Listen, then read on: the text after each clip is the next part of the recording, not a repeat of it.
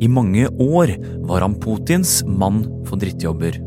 Men denne helgen her så fikk sjefen for den russiske Wagner-gruppen åpenbart nok.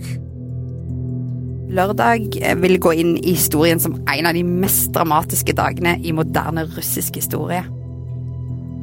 For plutselig snudde den private leiehæren ryggen til Ukraina og satte kursen mot Moskva i stedet.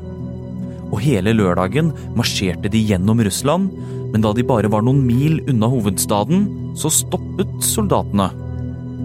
Hva skjedde egentlig i et av Russlands mest dramatiske døgn i nyere tid? Og hva har dette opprøret å si for Putins regime og krigen i Ukraina? Du hører på Forklart fra Aftenposten, i dag med en ekstraepisode om hva som skjedde da Wagner-gruppen gikk til opprør mot Putin. Og mitt navn er Philip A. Johannesborg.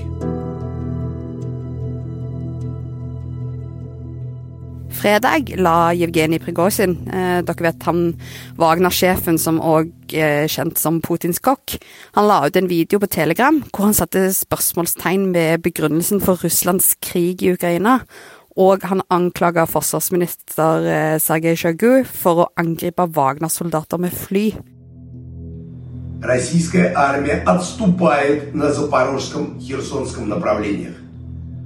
Helene Skjeggestad er journalist her i Aftenposten og har tidligere vært Russland-korrespondent. Hun har fulgt det dramatiske døgnet i Russland hvor Wagner-gruppens leder, Jevgenij Prigozjin, plutselig gjorde en helomvending. Han leder den private leiehæren Wagner. Eh, de var med på å invadere Ukraina i 2014, og har òg vært delaktige i Syria og i Afrika. Og etter fullskalainvasjonen av Ukraina i fjor, så har Wagner og Prigozjin fått en stadig viktigere rolle i både den russiske krigsmaskinen og òg den russiske offentligheten. Og han, altså, i Russland så er det jo forbudt å kalle dette for en krig i hele tatt. Og man bør iallfall ikke kritisere det. Men det har jo da Prigozjin gjort, og på fredag så kryssa han alle grenser. Og da sa han at det ikke egentlig var noen grunn til å invadere Ukraina. Det var bare noe forsvarstoppene hadde lurt Putin med for å berike seg sjøl. Og han sa òg at Ukraina og Nato aldri egentlig var noen trussel mot Russland. Og dette falt ikke i god jord hos Russlands leder. Gjennom natten begynte de statlige TV-kanalene å hudflette Wagner-sjefen. Det ble fortalt at han bl.a. ville bli etterforsket for et væpnet opprør. Men samtidig begynte det å sirkulere videoer av militære kjøretøy i en russisk by helt ved den sørlige grensen mot Ukraina og da verden våknet lørdag morgen, så var det til en mildt sagt sjokkerende nyhet.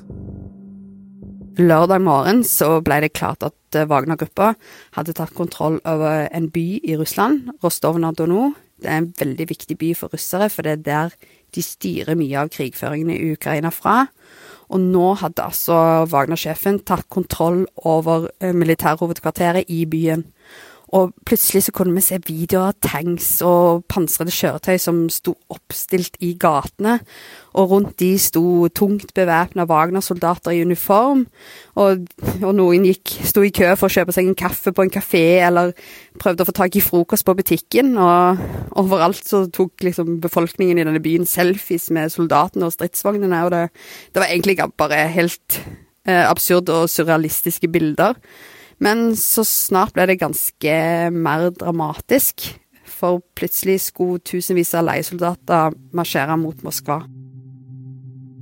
Og Wagner-sjefen hevdet at det ikke var snakk om et statskupp, men han la ikke skjul på at de hadde planer om å stoppe den russiske forsvarsledelsen.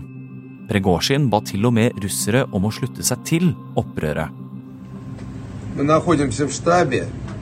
7 часов 30 минут утра под контролем военные объекты Ростова, в том числе аэродром. Snart kunne man se en lang kolonne med leiesoldater langs motorveien M4. En vei som går fra Svartehavet i sør og hele veien til Moskva. I løpet av lørdagen så kom det videoer av ei lang kolonne med Wagner-kjøretøy på vei mot Moskva. Eh, vi så gravemaskiner som gravde hull i eh, veien på motorveien M4 for å hindre at denne kolonnen med, med militærkjøretøy skulle kjøre forbi.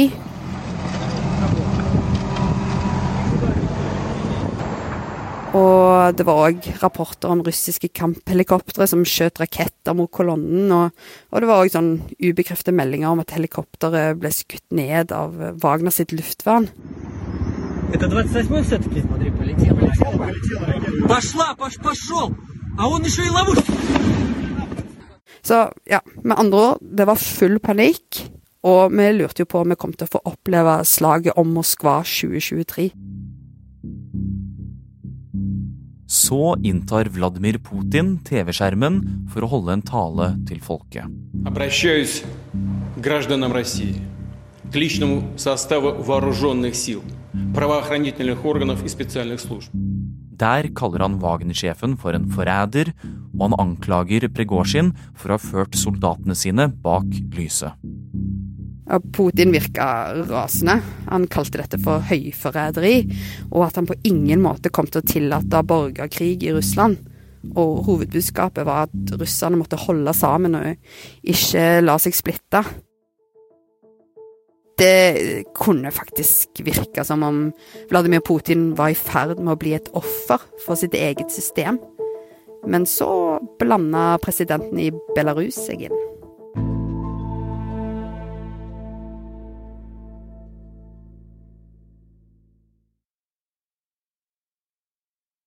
But then, this evening, there was a sudden change, and the crisis seemed to be over. Kreml bekrefter avtale mellom Putin og Prigozjin. Lederen for Wagner-gruppen skal flytte til Belarus. Da Wagner-sjefen stansa i kveld framrykkinga mot Moskva etter avtale med Belarus' diktator Lukasjenko. Seint lørdag kveld så satt vi jo alle klare for å rapportere om dette slaget i Moskva. Da det plutselig kom en ja, la oss kalle det en overraskende vending i saken. Eh, vi vet at Wagner-styrkene var iallfall var kommet seg 45 mil fra Moskva, kanskje opp til 20 mil. Eh, men da annonserte president i Belarus, Aleksandr Lukasjenko, at det var inngått en avtale. Hva gikk den avtalen ut på, Helene? At den avtalen gikk ut på at Wagner-soldatene skulle snu og deeskalere situasjonen mot at de fikk eh, amnesti eller sikkerhetsgarantier, da. Altså at de ikke skulle bli drept. Det er ikke helt kjent akkurat hva denne avtalen innebærer, men soldatene og Wagner-sjefen skal ikke straffeforfølges. Og de soldatene som ikke deltok, skal skrive under på en kontrakt med den russiske hæren. Og Pregorsin selv skal flyttes til Belarus. Men ingen vet hvor han befinner seg for øyeblikket. Og hva som skjer nå, ja, det er et godt spørsmål. Situasjonen nå er fremdeles langt fra avklart, men det ser jo nok en gang ut som om Russland sin styrke har vært overvurdert.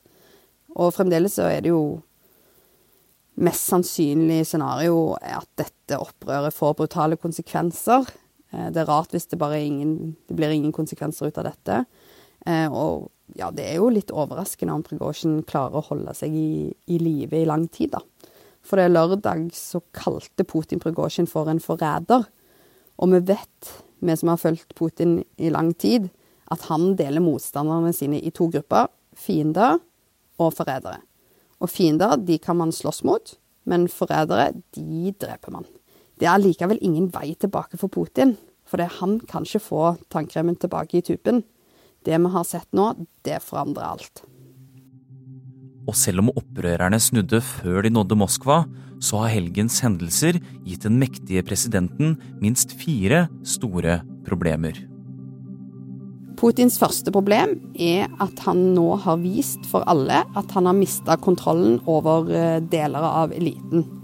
Han har jo bygga sitt system, sin popularitet, på at han skal være løfta over politikken. Han er liksom den store tsar som folket kan be om hjelp, og som rydder opp når disse udugelige lederne lenger nede i systemet tabber seg ut. Eh, og han har egentlig kontrollert elitene og hele det russiske samfunnet med å spille folk opp mot hverandre i en sånn splitt og hersk-teknikk som bare har fungert veldig bra.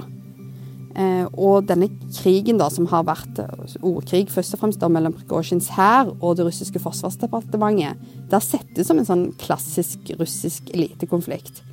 Men Putin har jo da tydeligvis fullstendig undervurdert Prigozjin i dette tilfellet. Og et nøkkelspørsmål for de kommende dagene blir jo da har han òg undervurdert lojaliteten til andre deler av eliten. Og hvis han har det, da kan dette bli begynnelsen på slutten for Putin-regimet. Og én ting er Putins manglende makt over eliten i landet, en annen ting er makten over folket. Det andre problemet er jo at den russiske krigsfasaden har fullstendig sprukket. Putin nekter fremdeles for at krigen i Ukraina er en krig. Og han kaller det jo en spesialoperasjon for å gi inntrykk av at alt er under kontroll, og at eh, situasjonen ikke vil forandre hverdagen til den vanlige russer.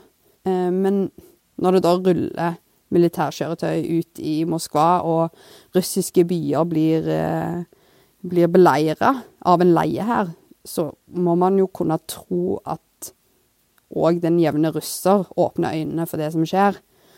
Og hvis ikke det er nok, så har jo da Prigozjin en gang for alle sagt ifra om hva han mener om denne krigen, og det er jo ord som Putin aldri ville høre. Altså at, eh, at Forsvarsdepartementet har ført presidenten bak eh, lyset, eh, og at Ukraina aldri planla å angripe Russland med støtte av Nato, og det hele var bare funnet på for at russiske forsvarstopper skulle bli rike. Og han sa jo òg sagt at Russland står bak angrep på sivile i Ukraina. Dette er jo ting som er veldig åpenbart for oss, men det har jo ikke vært en del av den russiske samtalen, ikke sant? Og for Putin betyr det at han ikke lenger kan skylde på Vesten.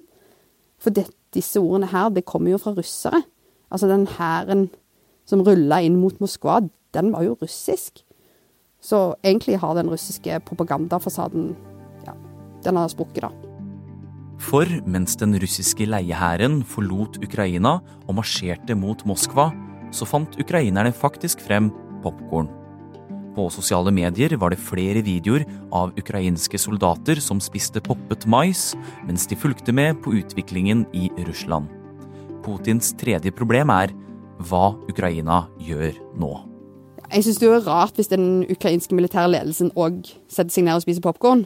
Det er vel mer trolig at de gjør det motsatte, for dette er jo en enormt stor sjanse til å utnytte denne forvirringen og prøve å bryte gjennom det russiske forsvarsverket. Og de fleste analytikere har jo trodd at det kommer et stort slag i Ukraina, men at det er fremdeles liksom uker og måneder unna. Og det er det kanskje ikke etter denne helga her. I over 20 år har Putin holdt på makten, og i løpet av den tiden har han skapt et Russland hvor han selv er hevet over den dagligdagse politikken, slik at han kan sitte med makten lenge. Men systemet han har skapt, kan også by på utfordringer. Altså, det fjerde problemet til Putin, det handler om det russiske systemet. Dette handler om de lange linjene. Eh, og når man har vært mye i Russland, så merker man fort at de er enormt opptatt av at alt skal være formelt i orden. Man skal ha papirene i rett rekkefølge, og de skal være stempla av så og så mange byråkrater for at ting skal gå i orden. Men under dette stempla papiret så er det omtrent tilnærmet anarki. Eh, de opererer i det jeg kaller gråsonen. Og i denne gråsonen kan du egentlig få til hva som helst ved hjelp av personlig nettverk, altså venner og bekjente, og penger da, som skifter hender. Og dette gråsonesystemet det går helt til topps til presidenten. Og så har vi jo sett nå at det fører jo til at det oppstår sånne maktstrukturer som kan være mildt sagt uheldige. Altså som eksempel ja, store private hærer som består av topptrente, brutale soldater, drapsmenn og ja, tyver og kjeltringer. Og det er jo ikke første gang en leder angrer på å ha uthula statens maktmonopol, sånn som Putin har gjort her. For det finnes jo flere eksempler på at en, en leie her, som er fornøyd med krigens gang og betingelsene, den kan være ganske effektiv. Men en eh, misfornøyd leie her, det er jo en potensiell katastrofe. Nå har det jo skjedd veldig mye i helga som gikk, um, og det ser ut som det har roet seg litt. Betyr det at far nå er over for Putin? Nei. Altså, flere eksperter mener dette betyr at Putin ikke er så beskytta og opphøya som han trodde, og kanskje vi trodde. Og situasjonen er jo ikke løst selv om Wagner-soldatene er i Belarus.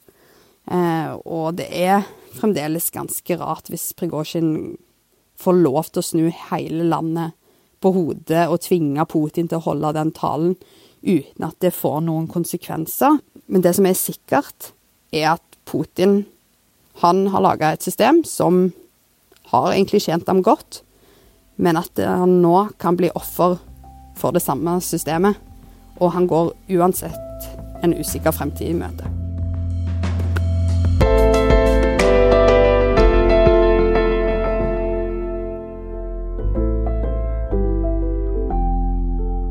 Du har hørt en podkast fra Aftenposten. Det var journalist Helene Skjeggestad som tok deg gjennom Wagner-gruppens opprør mot Putin nå i helgen. Lyden du har hørt, er hentet fra nyhetsbyrået AP, TV 2, NRK og BBC. Denne episoden er laget av produsent Olav Eggesvik og meg, Philip A. Johannesborg. Resten av Forklart er Jenny Føland, Synne Søhol og Anders Weberg. Og vil du høre mer om Wagner-gruppen, søk opp Forklart-episoden Putins private hær. Dette er den brutale Wagner-gruppen fra januar i år. Angrepet 25.6 i fjor kunne ha vært eh, avverget. Og til slutt så vil dette trolig påvirke krigen, og da særlig Ukrainas planer. Den norske kronen den ligger nå på intravenøs behandling. Den er ekstremt svekket. Den har det fælt, rett og slett. Hver dag forklarer vi én nyhetssak for deg, så du slipper å lese gjennom alle nettavisene selv. Og det skal vi også gjøre i hele sommer. Mens andre har ferie, så fortsetter Forklart med to episoder i uken gjennom hele sommeren. Og det gjør vi fra 19. juni og ut juli. Alle episodene er fortsatt helt gratis, og følg oss gjerne i Spotify eller der du hører på podkast, så får du alltid vite når en ny episode er ute. God sommer!